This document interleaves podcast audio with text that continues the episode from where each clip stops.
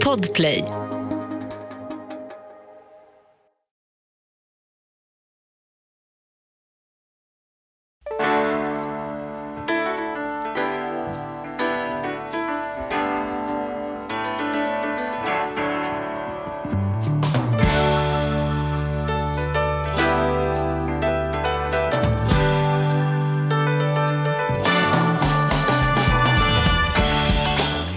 Hjärtligt välkomna till Ekonomi på riktigt med Charlie och Mattias. Ja. Hur är dagsformen? Nej, men det är bra. Jag satte lite te i halsen precis innan vi satte igång här. Men jag tror att jag har eh, liksom, eh, få- fått bort det värsta. Ja, bra. Får Eh, Det känns ju viktigt idag för vi har ju finfrämmande. Ja, men det kan man verkligen säga. Det är Mm. en person som jag har beundrat länge. Jag är ett stort fan av både hans personlighet och tydlighet i tv. Ja. Och också av hans böcker och tv-serier som jag har tittat på och följt. Mm. Så att för oss är det en superstor ära att få träffa honom här idag. Ja, jag tycker inte vi håller på här och pratar om väder och vind utan vi går Nej. till jobbet. en grej jag. som jag faktiskt har funderat på däremot, det är just när man nu ska uttala namnet du välkomnar in. För jag är oklar på, det fanns ett gammalt klädmärke som hade samma namn. Men vi får se, jag provar. Varmt välkommen Jens Lapidus!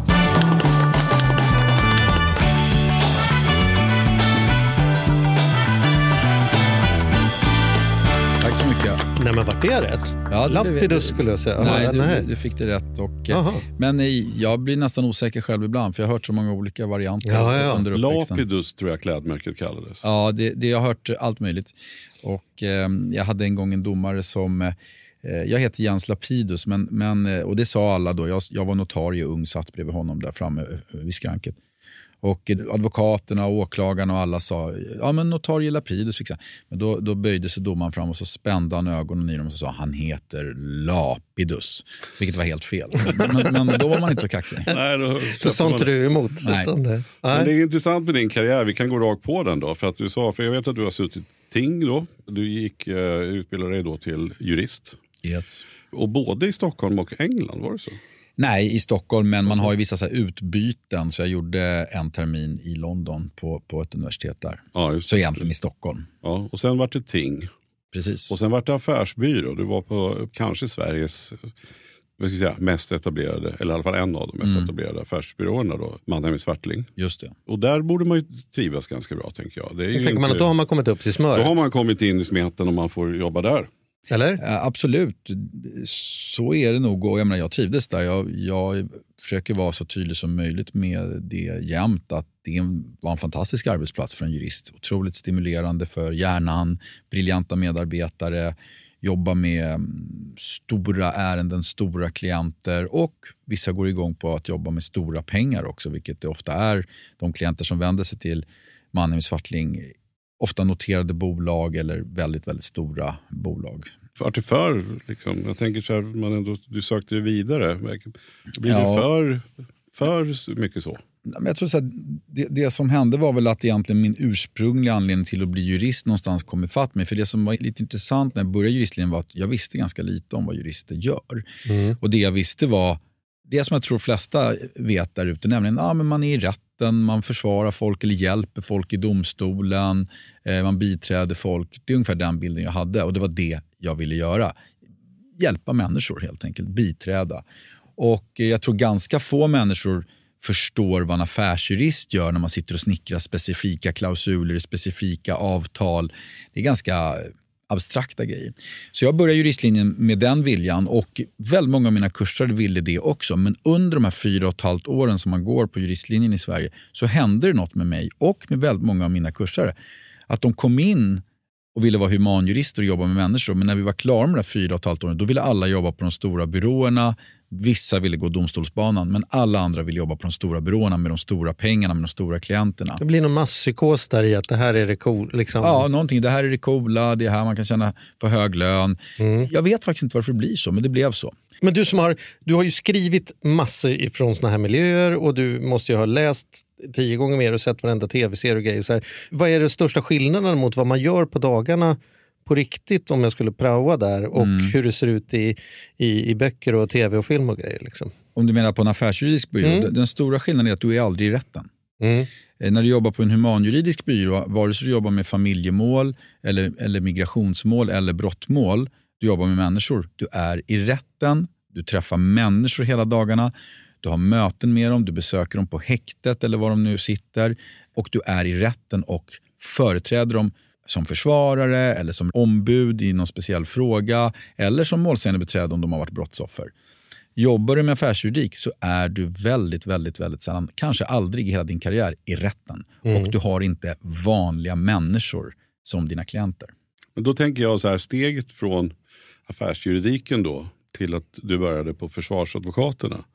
Vad, vad, fan det här med brott och straff, nu är ju du kanske en, som vi, vi har sett i TV4 nu, en av de kändaste vi har i Sverige när det kommer till brottmål och, och, och den biten, inte minst med tanke på gängkrigen och allting, så har du stått väldigt mycket i TV. Och då tänker jag så här, var du inne på det här redan under affärsjuridiken eller hur, kommer man, Ja, hur kan man plötsligt bli en försvarsadvokat då? Nej, men det var att jag hade suttit ting tror jag hjälpte väldigt mycket. Hade jag Ja. inte gjort det så hade jag, jag hade ändå varit och jobbat i domstolen före jag jobbade med affärsjuridik som notarie. Visserligen är man väldigt junior då, men man får ändå väldigt mycket brottmål i sig. Så att jag hade ju god uppfattning om vad en advokat gör i rätten eftersom jag hade jobbat på domstolen. Mm. Eh, Hade jag inte gjort det så hade det nog varit en liten uppförsbacke och en ganska lång lärosträcka att gå från affärsjuridiken till att stå i rätten. Därför att det som händer i rätten, det är liksom som att köra upp varje dag. Det är liksom en live-situation där någon bedömer dig, domaren, eller domarna om man är i hovrätten. Och du kan liksom inte, du kan inte styra över allt som händer. Du får ta dig på volley. Så det skiljer sig ganska mycket från mycket annan juridik där du sitter på kammaren, skriver ditt avtal, bollar det här avtalet hundra gånger med dina kollegor tills det är helt perfekt eller med din klient. Sen trycker du på sändknappen och skickar över det till motparten för att få reaktioner. I rätten kan du liksom inte göra så. Mm. Men det låter ju som det är två helt... Alltså, det ena känns som att jag skulle rekrytera en revisor och det andra att jag skulle rekrytera en rockstjärna. Alltså någon som går igång på live-situationen, att det är laddat läge och som kanske lite ågren innan man går upp men sen när man väl står där då är man sin bästa variant jämfört med någon detaljorienterad som liksom ser så här, den där kakelfogen är lite mindre än den andra. Ja, jag liksom. tror, det, det var en bra liknelse. Jag har inte hört den just så och kanske var den lite väl snäll mot, eh, mot eh, brottmålsadvokaterna. Men jag tycker att det ligger mycket i det.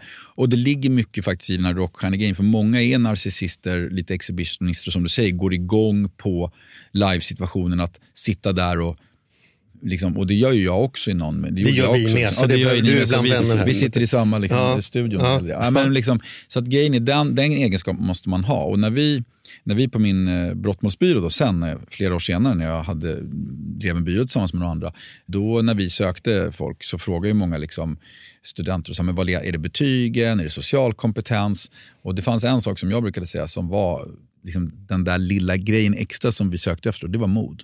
Mm. Mm. För du måste våga stå där också. Du måste våga stå på din klients sida fast din klient kanske är åtalad för förfärliga saker. Fast din klient, de har skrivit om honom i kvällspressen i veckor innan hur förfärlig han är och vad förfärligt han har gjort. Och när du kommer in i rättssalen så är det fullt på åhörarbänk och du ser bara hatet skina i ögonen på alla de här människorna och du tittar liksom mot åklagare och polis och du vet att de representerar tunga myndigheter med stora resurser. Du är bara du. Mm. Du är själv och det blåser och det kan blåsa jävligt hårt. Och du ska stå pall för din klient. Men hur, hur var det då att komma in i, för jag, jag tänker också då, för mig är det- en drömkarriär egentligen som du gjorde då. Att gå från mannen med svartling till försvarsadvokaterna som är väl, man får ändå säga Sveriges, bland också då, tyngsta försvarsadvokatfirma. Så, bland annat Johan Eriksson och Mm. några till. Som, ja, men som, som verkligen blivit utsedd av Mm. alla andra advokater till, till den bästa. så att säga. Hur, så här, hur var pressen? Eller, Hade du mod eller var det fake it till you make it?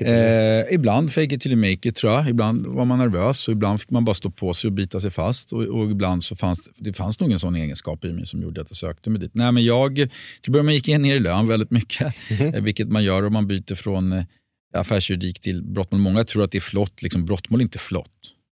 Kommer ni ihåg, eh, har ni sett The Night Off? Ja. Det, var TV, det var bara en säsong, men där, där finns det. Och varför Ja. har man inte gjort fler säsonger Nej, av den? men det var lite svårt. Det var liksom en avslutad säsong. Liksom. Men okej, fine. Det var en jätte, jättebra. Speciellt första avsnittet. Det är bland de bästa piloter jag någonsin sett. gud vad härligt att du säger, för jag är en av få som har fått respons. För jag tycker att det är en av de bästa serierna. Ja. Så, ja, Ja, det, och där, där spelar John Turturro en advokat. Han är rätt sunkig, han har psoriasis på fötterna och han är lite lufsig och så här, men han, han är inte dålig. Liksom. Jag säger inte att det riktigt är så, men det är lite mer åt det hållet än vad det är flotta, liksom, feta kontor. Det, det är inte så i, i försvararvärlden. Det är små enheter, man jobbar max. Inga byråer större än 20 pers. Av jävsskäl. Man kan inte vara för stor, det blir alltid jäv. Den som inte fattar vad du sa nu? Jo, men alltså Stockholm är inte så stort. Mm. Och har du en för stor byrå i brottmål, då kommer du helt plötsligt få frågan att företräda en klient som har spöat på någon och någon annan på din byrå företräder den där som blev påspöad förra året i ett annat mål. Mm. Då är det jäv. Man kan inte inom samma byrå vara på olika sidor i ett och samma mål. Det var, det var ett exempel. Mm. Och Det gör att inga brottmålsbyråer i Stockholm, i Sverige, kan vara för stora. För då hamnar du i de här jävsituationerna hela tiden. Då kan du inte ta uppdrag. Just det. Och det där finns väl lite av i affärsjuridiken också. Att man har hört att en del kriminella anlitar ett antal byråer för små saker därför att då har man varit en klient. Så kan man göra om man är inte bara, inte bara kriminella. Det var vanligt i stora tvistemål. Du har ett stort börsnoterat bolag. De fattar att de kommer hamna i tvist med ett annat stort bolag. Då vill de inte att Vinge, Mannheimer och XYZ tuffa, bra byråer ska kunna företräda. Så de tar ett litet möte för att jäva ut dem. Liksom. Ja, så det där är en slug metod som riktigt eh, sofistikerade klienter kan använda. Men det ser man inte så mycket i brottmålsvärlden. Men däremot så, um, vad var jag inne på? Jo, men liksom... um, Att det inte är så glassigt. Nej, det, det är inte en så glassig tillvaro. Liksom, på det Men, sättet. men ändå då tänker jag, det måste ju ändå vara tillräckligt klassiskt. Du måste ju ha, liksom, känna att du har, så här, vilken, vilken jädra bra karriär jag har. Att man har varit på både Mannheim och man på den stora försvarsgrejen. Man kanske inte driver någon glassighet än. Man kanske bara tycker det är Nej, coolt. men inte glass, ja, men så här, ja, men framgång då. nytta. Enligt, Mm. enligt någon mått av Mm. svensk framgång så här, kan man inte säga något annat. Mm. Och sen våga sig på och plötsligt sadla om och bli författare. Så riktigt så modig, det är fint att du beskriver det så, men riktigt så modig var jag inte därför att eh, jag började ju skriva och fortsatte jobba i tio år. Mhm. Så att eh, hade jag varit riktigt modig, ja då hade jag kanske skrivit min bok och sen kastat mig handlöst ut mot författeriet och, och slutat som advokat. Men jag fortsatte ju i tio, kanske till och med elva år till. Och det gjorde jag nog Dels för att jag inte är så modig, så det kändes skönt att ha det här jobbet, advokatjobbet att hålla mig i. Men också för att jag tyckte det var så förbaskat kul och kände att jag behövde liksom psykologiskt ett riktigt jobb. För författandet är väldigt fritt. Det är, ska vara helt ärlig, ganska flummigt. Man är sin egen chef och det är bara så okej, jag, ska- jag, jag gör något. Jag vet inte när det ska vara klart, jag vet inte vad det ska bli. All, alla ramar är upp till dig att sätta. Jag är inte en sån människa som trivs så bra i så, med så fria tyglar egentligen. Så för mig var det är väldigt skönt också att fortsätta ha ett riktigt jobb. Och så kändes det som att det var på riktigt. Jag var ute och, och, satt och, och, hade tider att förhålla mig till, hade klienter som betydde något på riktigt, hade kollegor på byrån. Så att, eh, nej, jag fortsatte ju. Så jag, jag hoppade inte från det ena till det andra, utan det tog mig tio år att ta Hur steget. var, det, hur var det då att ta steget ut? För då hade du framgångar. Vad, vad var den första? Snabba Cash var ju en av de första som när jag fick liksom, Det var då vi fick upp ögonen för Ja, alla nej, men det fall. var min första bok, eh, absolut. Och det var ju en megadebut. Det är ju lite svårt att förstå så här många år efter. Det är en av Sveriges mest sålda böcker genom tiderna och det var liksom Ja. min första bok. Jag kom från ingenstans, det var ingen marknadsföring, det var ingen PR, det var ingen som visste vem jag var. Mm. Utan det var, och det, det händer ju då och då, men det är inte vanligt att en, en låt eller en bok eller någonting, eller en film slår igenom på mun mot mun-metoden. Nej. Folk snackade. Folk bara, det, det, det, här, liksom det, det var inte stora reklamkampanjer. Liksom så här. Jag tror Ja. också att det fanns en trovärdighet i dig som författare. i och med att du plötsligt, när man tittade man lite mer än bara eh, hörde snacket så, så konstaterade man att det här är en kille som på riktigt vet hur det funkar i den här världen. Det tror jag att du har rätt i. Och, ehm, och det gör jag, gjorde jag ju också. Så att det var inte bara hittepå och, och ganska mycket i böckerna fortfarande var hämtat från verkliga episoder, även om det är ju liksom blandat med, med fantasi och, och sådär. Men det måste ju också vara att skriva en första roman som direkt blir en serie. Det måste ju också vara, det är inte bara tur om vi säger så. Alltså, Nej. det måste ju vara helt fantastiskt. Förstod du själv hur stort du var? Nej, nej. Jag, jag fattade inte. Alltså, det första som hände när jag jobbade där i tingsrätten och började skriva på den här boken, första boken, det var ju att jag inte ens visste att jag skrev på en bok. Utan jag satt och skrev små episoder som jag upplevde i domstolen, saker jag såg. Eh, en liten berättelse där, en liten novell där. Det var inte ens tanken att bli en sammanhängande grej. Sen när jag kanske hade 50 sidor spritt då, eh, så tänkte jag fan, jag kanske ska sätta ihop det med någon slags röd tråd. Och då började jag, och det var ju bara min fru, min dåvarande tjej, då, som visste att jag liksom höll på med det här. Jag ville inte säga det till någon. Det kändes otroligt pretentiöst. Ska de ut och ta en bärs ikväll, Jens? Nej, jag sitter och skriver min roman. Liksom. Mm. No way att jag sa det till någon. Så det var mitt hemliga lilla projekt. Sen när jag till slut hade hållit på med det där och hade liksom någon form av berättelse, då så var det så här, på den tiden så, så lät jag några polare läsa om min farsa och sådär. Och de var så här, "Det- här är bra Jens, det här skulle du kanske pröva att skicka in. Det var först då någonting vaknade i mig, så här, oj, det här kanske kan bli en bok eller bli, bli publicerat. Men gjorde du så? Var det så att du bara så här, du skickade in den på den där Skicka in ett bonnier.se och bara Nej, tummarna. Så kan jag inte tänka mig att du gjorde. Det måste ju gått någon annan väg. Nej, men man kan tro att jag eh, hade någon smart metod. Men för det första var det så här på den tiden att då ville förlagen att man skulle printa sina manus. Så de ville att man skulle komma med 500 sidor liksom papper. Ja. Och jag hade liksom ingen printer hemma som klarade det där om jag ens hade en, en skrivare. Utan det fanns på byrån då. Men jag kände så här, jag kan inte stå och printa tusentals sidor här på byråns printer. Jag är en ärlig människa. Va? Så att jag kände så här, jag vet inte fan jag ska göra. Så att min urvalsmetod för vilka förlag jag kommer att skicka den här boken till, det var de som accepterade mail. Det låter helt sjukt idag. Men det var så här lite radikalt och de som accepterade att man skickade det på mail, de valde jag att dra iväg den till. Det, var, det var så puckat så här i efterhand, men det var, så, det, det var så det var. Efter, och vilka var det som nappade då? Eh, Det var, jag skickade till fyra, fem förlag då och eh, så fick jag komma på möte på två förlag. Jag blev refuserad av resten. Och eh, möte insåg jag efter ett tag att det var kanske egentligen bara någon slags fin refusering. Fast en schysst refusering där de ändå berättar vad de tycker styrkorna med boken är och vad de tycker svagheterna är. Och då kan man ändå gå hem och slipa på de här. Då. Och en sån här grej, det var då Wahlström och Wistrand som, då sa hon att så här, men jag gillar verkligen det här, Eh, det är skitbra story och allting, men det är lite för hårt språk. Språket blir lite som en ridå för den här berättelsen. Och jag var så här, oj, jag hade jobbat jättemycket med det här hårda, rappa språket som skulle liksom reflektera, tänkte jag. Men jag gick hem, satt en hel sommar i en liten friggebod vi har på landet och skrev om varenda mening. Fyllde på med verb och tog bort kolon och slang och gjorde det till så här korrekt svenska, ni vet. Så kom jag tillbaka efter sommaren och då sa hon så här med Jens, vi hade två lektörer som eh, läste över sommaren, vi gillade det som det var.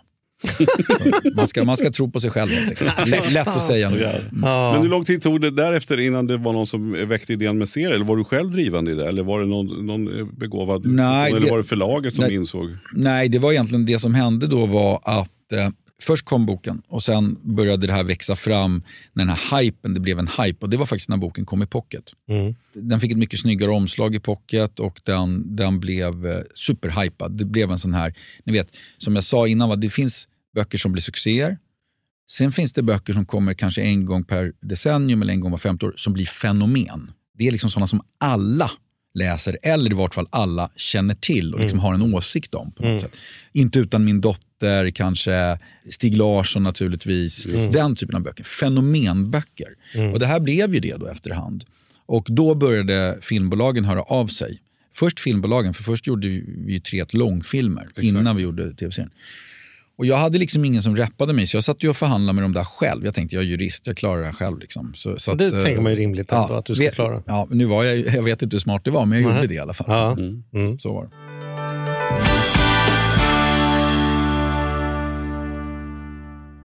Den här podden gör vi även den här veckan i samarbete med Saveland. Fan vad kul det är att ha dem med ombord. Mm. Jätte, jätteroligt. Ja, vi brukar prata om att man har något band som man såg jag stod Bo Kaspers jädrigt tidigt liksom, innan man gjort tv-debut. Och du har något hårdrocksband som du var jävligt tidig på. Ja, alltså jag var på, på Lilla Teatern Göta Lejon och såg Metallica Ja. 1984. Så gammal är jag. Och jag var i kontakt med Saveland när det fortfarande var typ tre, fyra personer där från början. När jag fick möjlighet att träffa dem.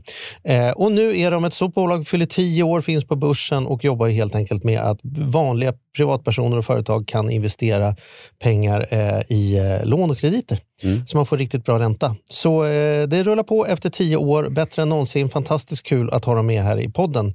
Gå in, testa, kolla. Vi har en kod som gör att om du öppnar ett konto och använder på riktigt får du dessutom en insättningsbonus just nu. Precis, och vill man veta mer så som sagt gå in på saveland.se. Man kan också lyssna på Ludvig som har varit gäst i vår podd två gånger. Får Ja. man en ännu bättre inblick i Ja. vad, vad det är de pysslar med egentligen. Men eh, ja, saveland.se och stort tack. Ett poddtips från Podplay. I podden Något Kaiko garanterar östgötarna Brutti och jag, Davva, dig en stor dos skratt. Där följer jag pladask för köttätandet igen. Man är lite som en jävla vampyr. Man har fått lite blodsmak och då måste man ha mer. Udda spaningar, fängslande anekdoter och en och annan arg rant. Jag måste ha mitt kaffe på morgonen för annars är jag ingen trevlig människa. Då är du ingen trevlig människa, punkt. Något Kaiko, hör du på Podplay. Därför är gardinerna. Men, och, och då vart ju filmen, jag har hört, eh, jag jobbar själv i, i mediebranschen och, och både med skådespelare och annat. Och jag, där hörde jag att man använde din film, dina filmer som exempel när, när jag har förhandlat för skådespelare. Så att då har man sagt så här, så här ja, vi vill inte vara med om att det blir en snabba cash. Det vill säga att man inte hade köpt en option på skådespelarna till film två. Så man fattade inte succén och sen plötsligt satt skådisarna i ett osunt eh, övertag. Finns det någon, finns någon sanning i det?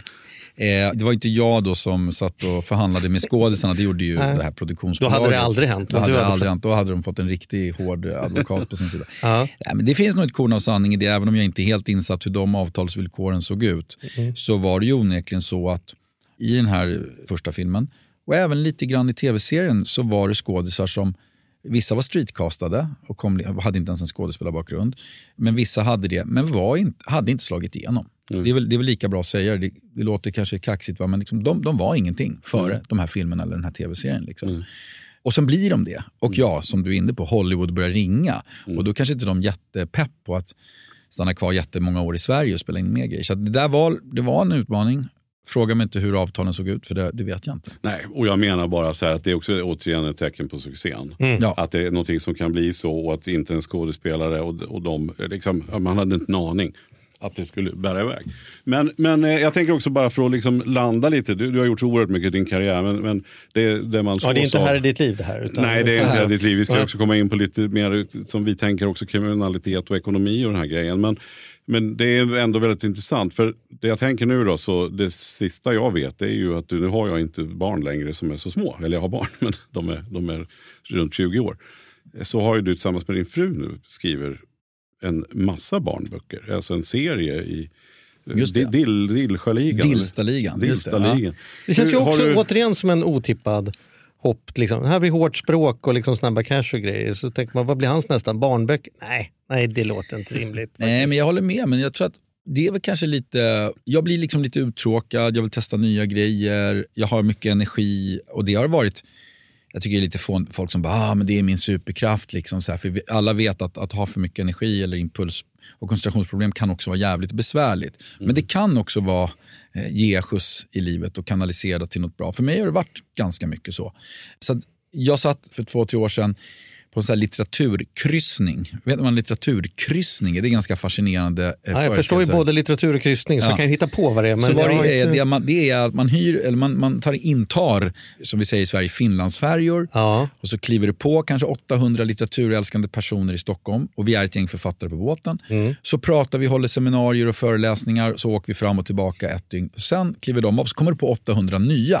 Vi författare är kvar. Så håller man på och åker så där över Östersjön fram och tillbaka som en jojo. Ja. Och jag kommer ihåg, det här var tre år sedan, då, jag sitter i den här liksom hytten och det är samma gråa hav utanför och det är samma frukostbuffé. Och jag säger också ungefär samma saker dygn efter dygn. Det är som den här Solveig Balles nya bok där det är 18 november, dag efter dag Ja. efter dag efter dag. Liksom Ja. så här. Och till slut känner jag bara så här, jag måste göra något nytt.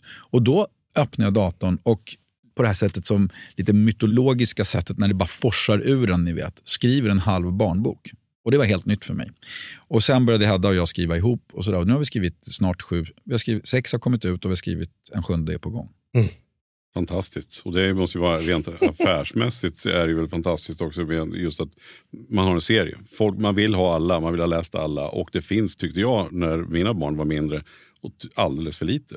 Det var liksom de här, eh, vad heter de här klassiska, du har ju själv Primus, men vad heter de här klassiska detektivböckerna där? Det är mycket Lasse-Maja. Det Lasse-Maja det- ja. på. Det, det, fanns inte så mycket. Sen fanns Nej. det någon sån här sportserie som Slagskott eller vad de hette. Men, men, men Det kommer mycket bra litteratur men det är svårt att slå igenom. Det är, vi, man, rikt, man gör inte reklam för barnböcker riktigt på samma sätt eftersom man vill inte göra reklam åt barn och sådär. Det tycker jag är vettigt i och för sig.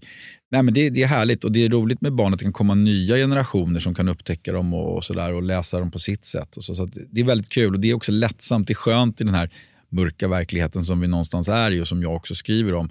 Så älskar jag att skriva de här barnböckerna. Mycket humor i dem. Men om vi då kommer in på det här. Den mörka verkligheten. Den mörka verkligheten. För idag, vi, vi snackar om den delen i podden, men att vi upplever oss själva som de som tycker att det är bättre nu, det var inte bättre förr. Och vi har sett att det finns en massa utmaningar och problem. Vi har bland annat haft den här killen som har Warp News, som är en före detta politiker som skickar ut positiva nyhetsbrev. Okej. Allt, bara visar på allt som är bättre. Spännande. Ja. Ja, det är Men nu känns det, inte, Men- nu men känns det på många sätt inte så mycket bättre. Nej men alltså nu känns det jävligt tungt alltså, om jag ska uttrycka mig. Och det, när vi spelar in det här då har det alltså precis, precis detta hänt med eh, Skjutningarna i- fotbollsskjutningarna nere i Bryssel. Och, och gängkriminaliteten är ju vansinnigt, har ju dragit iväg och sådär. Vad, vad är din reflektion på, på det här? Liksom? Eh, Alltså det, det, en är väldigt liksom, stor det, är så här, fråga. ja, det är en stor fråga och jag har ju ägnat egentligen hela mitt författarskap i någon mening åt att reflektera. Alla mina böcker berör ju det här ämnet. Vilka är det här?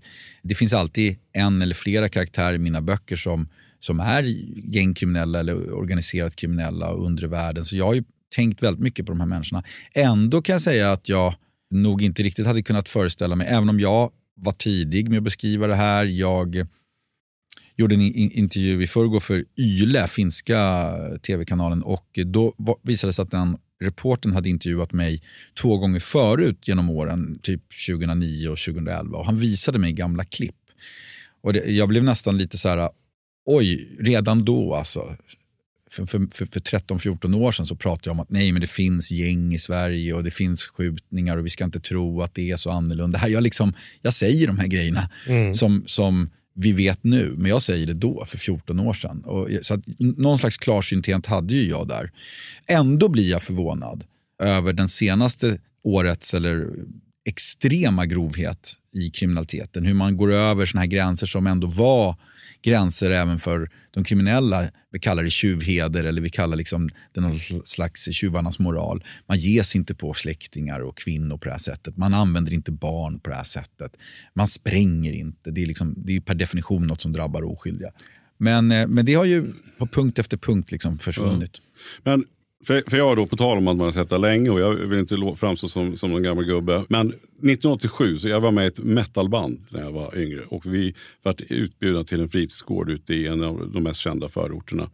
Och där var man inte helt populär för det var en helt annan typ av musik och det var ju så här självklart. Vi kände ju innan, wow, ska vi åka dit? Men det fanns väl några som tyckte att det var bra. Men redan då så kommer jag ihåg alltså att jag hajade till på, så här, som, som de flesta aldrig har varit ens i orten. Liksom. Men man hajade till på, det var liksom galler på ICA-butiken och det var grejer och så här, man kände shit vilken jädra uppväxt, alltså vilket klimat. Och det slutade med att vi fick ha tre polisbilar som körde eskort ut. Vi vart liksom stenkastade. Och det här var 87 liksom. Så att någonstans har man ju hela tiden sett att, att vi har ju totalt misslyckats. Liksom. Och det här måste ju politikerna sett. Så att med risk för att låta så här, ungefär som Götblad, Karin, du går ut och säger ja, jag såg det här för tio år sedan. Så här, ja, det gjorde vi, men var, varför, har ingen, varför har man inte vågat tagit tag i det här problemet? då? Men jag tror att, jag tror att det dels handlar om att vi i Sverige, och det här är väl också ett svar vi har hört nu från många de senaste månaderna, liksom vi, vi är lite naiva här. Mm. Man har liksom, vi har ändå en tilltro, ofta tycker jag man ser i svensk politik och svenska myndigheter, till människors inneboende godhet och att människor ändå vill göra bra. Och att människor kan skärpa sig och bli bättre och förändras. Så jag tror att det finns en sån naivitet, kanske att vi har varit lite, lite snälla. Jag, jag, jag skulle jag skulle nog säga att svensk strafflagstiftning har ju förändrats väldigt kraftigt de senaste två, tre åren. Vi har fått mycket förändringar både från förra och nuvarande regering. Men innan de här förändringarna så, så är det nog inte fel att säga att vi hade den snällaste strafflagstiftningen i hela världen kanske. Så att vi har ju varit lite så eh, snälla, får man säga. En annan grej har ju att göra med integrationen. Att det här, mycket av de här problemen som vi ser idag bottnar ju i en misslyckad integration med massa människor som befinner sig i utanförskap, fattigdom, som har patriarkala hedersnormer och grejer för sig. Som vi kanske har inte riktigt velat prata om det för att det har varit så tätt sammanknippat med diskussionen om, om rasism och och fördomar och sånt där. Mm. Så att det har ju funnits en, en, En rädsla för en rädsla för det, och, liksom. en, och från ett visst håll, från politiskt håll tror jag, att, att eh, prata om de här grejerna. Kontaktskräck, Ja, liksom. lite kontaktskräck och säga det som de flesta som jobbar i rättsväsendet eller som var ute med sina metalband redan på 80-talet kanske Mm. någonstans antingen såg med egna ögon som poliser och socialarbetare eller i vart fall anat finns där. Ja, och jag menar verkligen att det var, det var inte något fel på människorna utan det var Nej. sättet att, att man buntade, att alla någonstans hamnade på samma ställe och, och därav, alltså, och den upp, som, som, som de har fått varit med om. Alltså, så det är inget konstigt i det utan Nej. det är ju verkligen en integrationsfråga. Liksom. Men Och Sen ska man komma ihåg, parallellt med då problemen kring integrationen så har vi också fått ett, ska vi kalla det, ja vi har ju avreglerat samhället ganska mycket i, i nyliberal riktning. Så att vi har ju demonterat en del institutioner, vi har, vi har avreglerat skolan. Det blev inte särskilt lyckat avreglering av skolan tror jag. I synnerhet inte när du har områden där väldigt många har problem med språket och sådär. Det, är liksom inga, det, det blir inte bra. Det, det förstärker den här uppdelningen av samhället när man, när man har gjort de här grejerna. Så att, eh, jag tror att vi har haft flera trender som har varit som har tillsammans fått en amplifierad effekt på kriminaliteten. Men vi är ju, eh, hur man än vrider och vänder på det, så är ju Sverige ett väldigt rikt samhälle. Vi har ju verkligen, vi borde inte känna maktlöshet för vi har resurser att sätta in.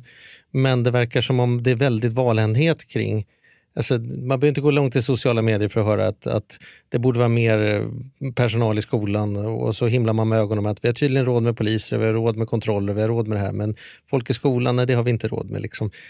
Det är någonting som vi liksom driver med våra egna politiker. Jag tycker inte vi ska hålla på och utkräva ansvar för det är så tråkigt. Men var finns öppningen? Liksom? Var borde vi sätta in resurserna?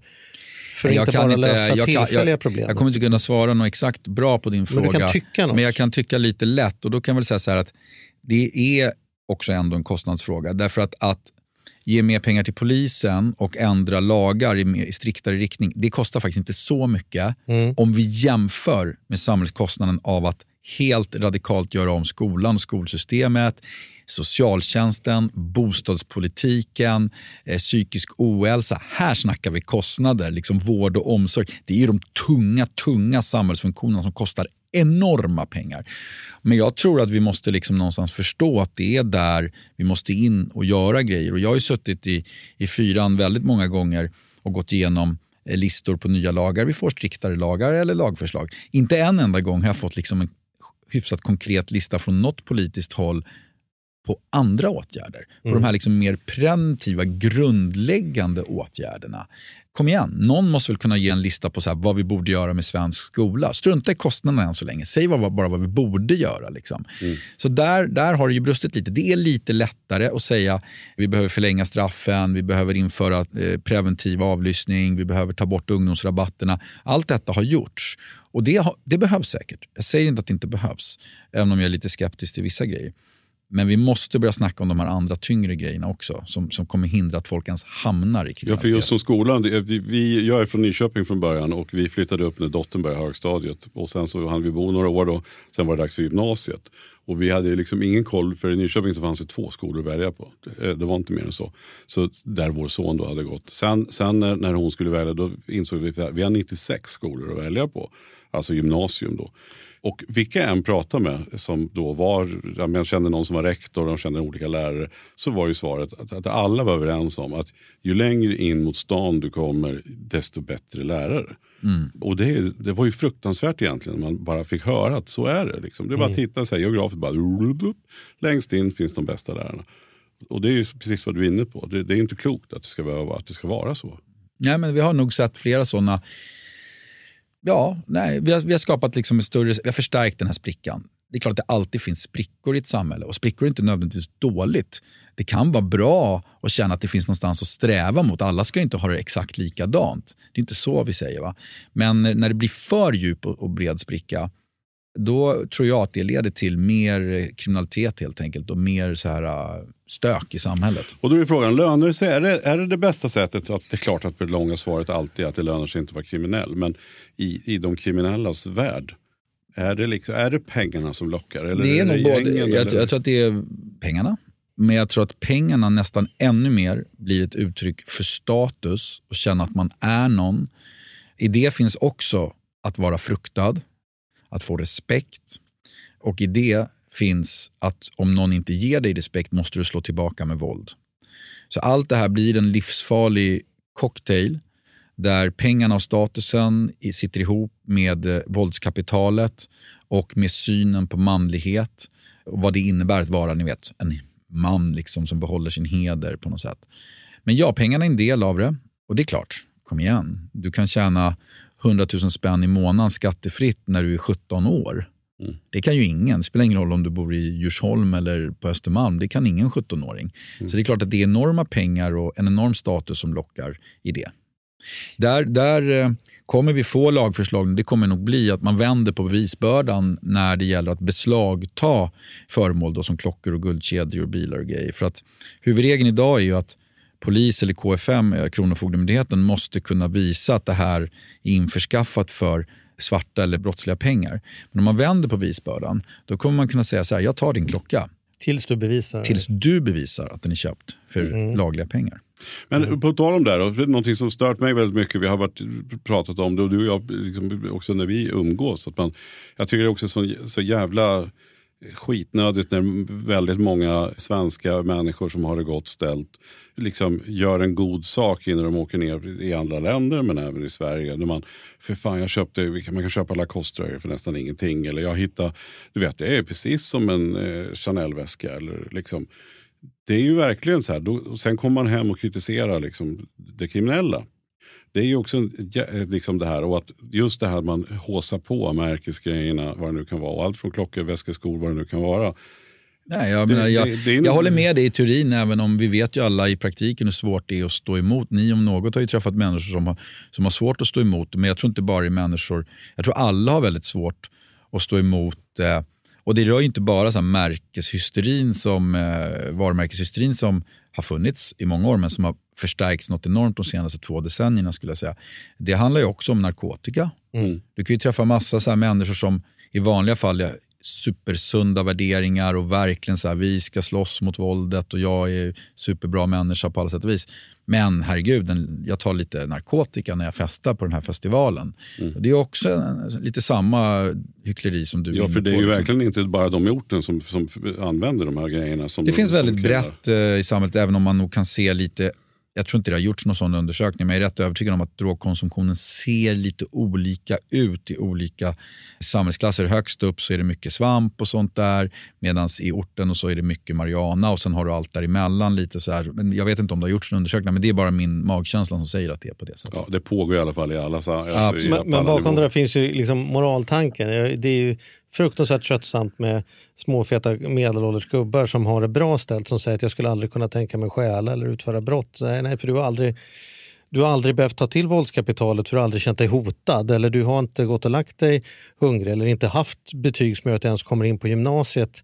Men, men sen, alltså, vi får ju på något sätt kolla på ansvaret för vad vi köper och liksom, om du inte knarkar och inte köper uh, saker som är tillverkade på, liksom, av, av uh, kriminella gäng, och redan där så försvinner ju väldigt mycket pengar ur det systemet.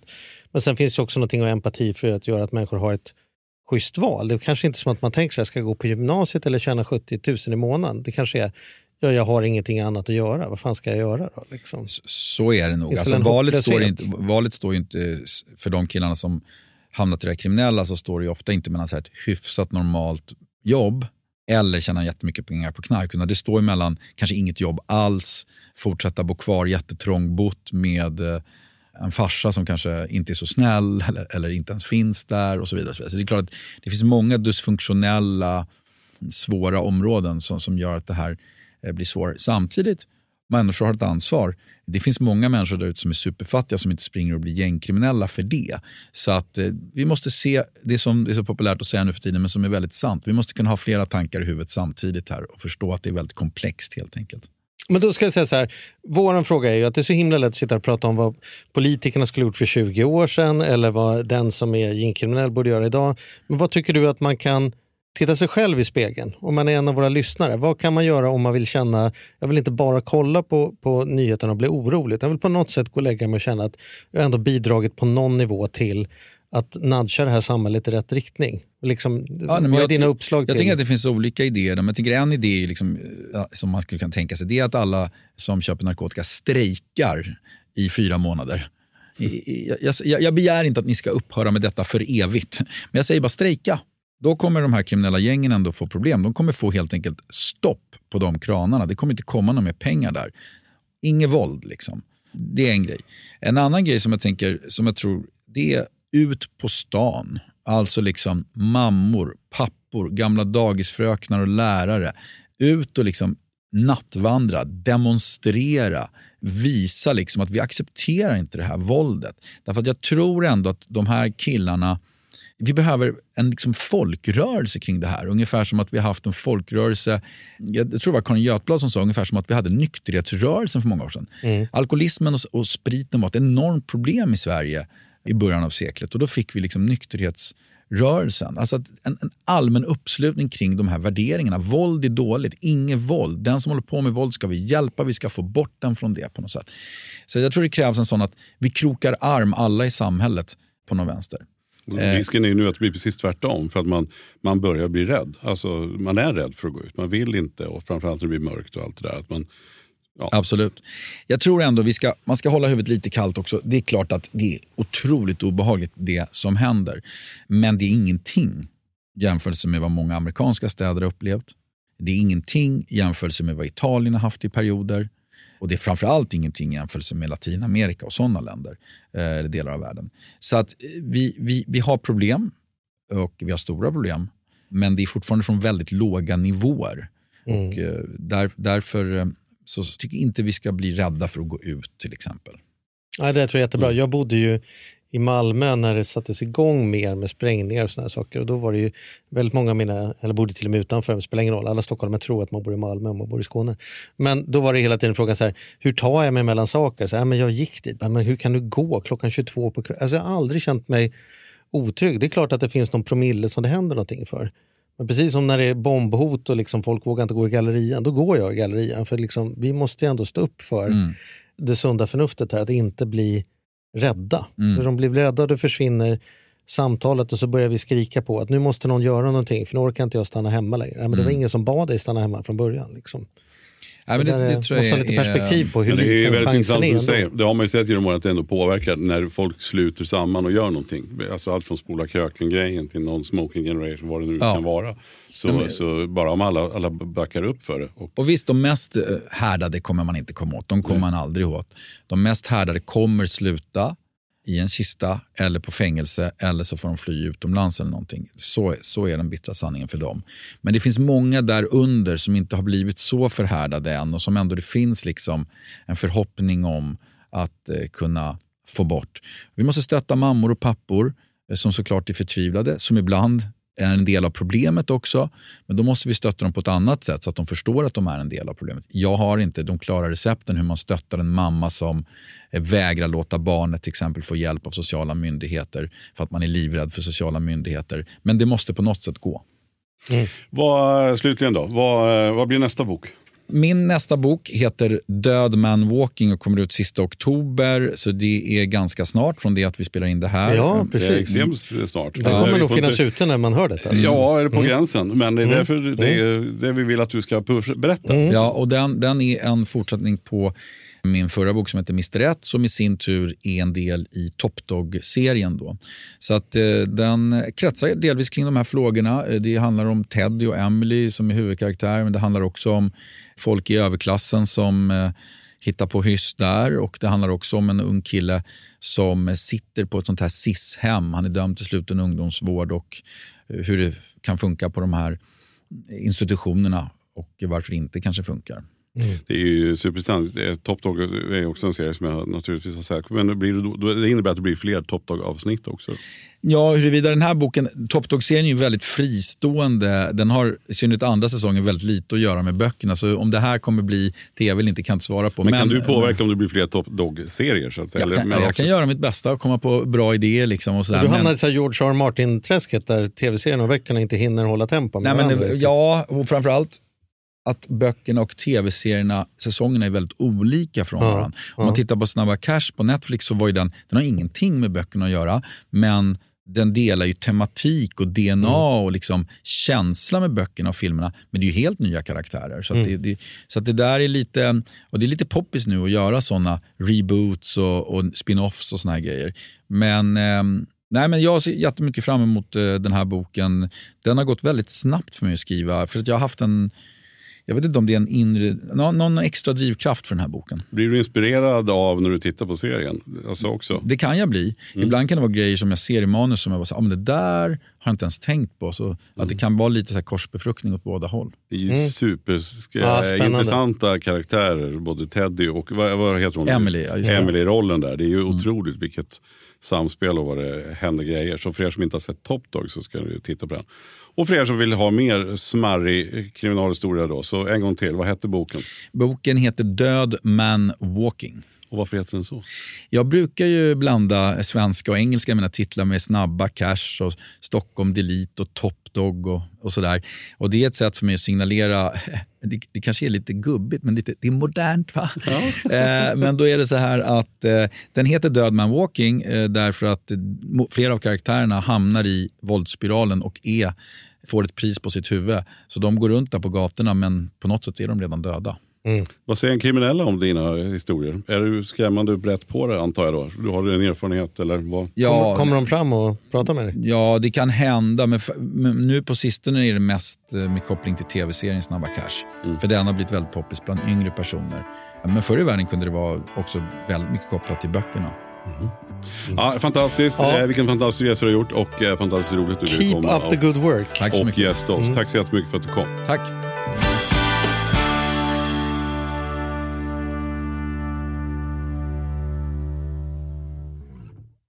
Podplay.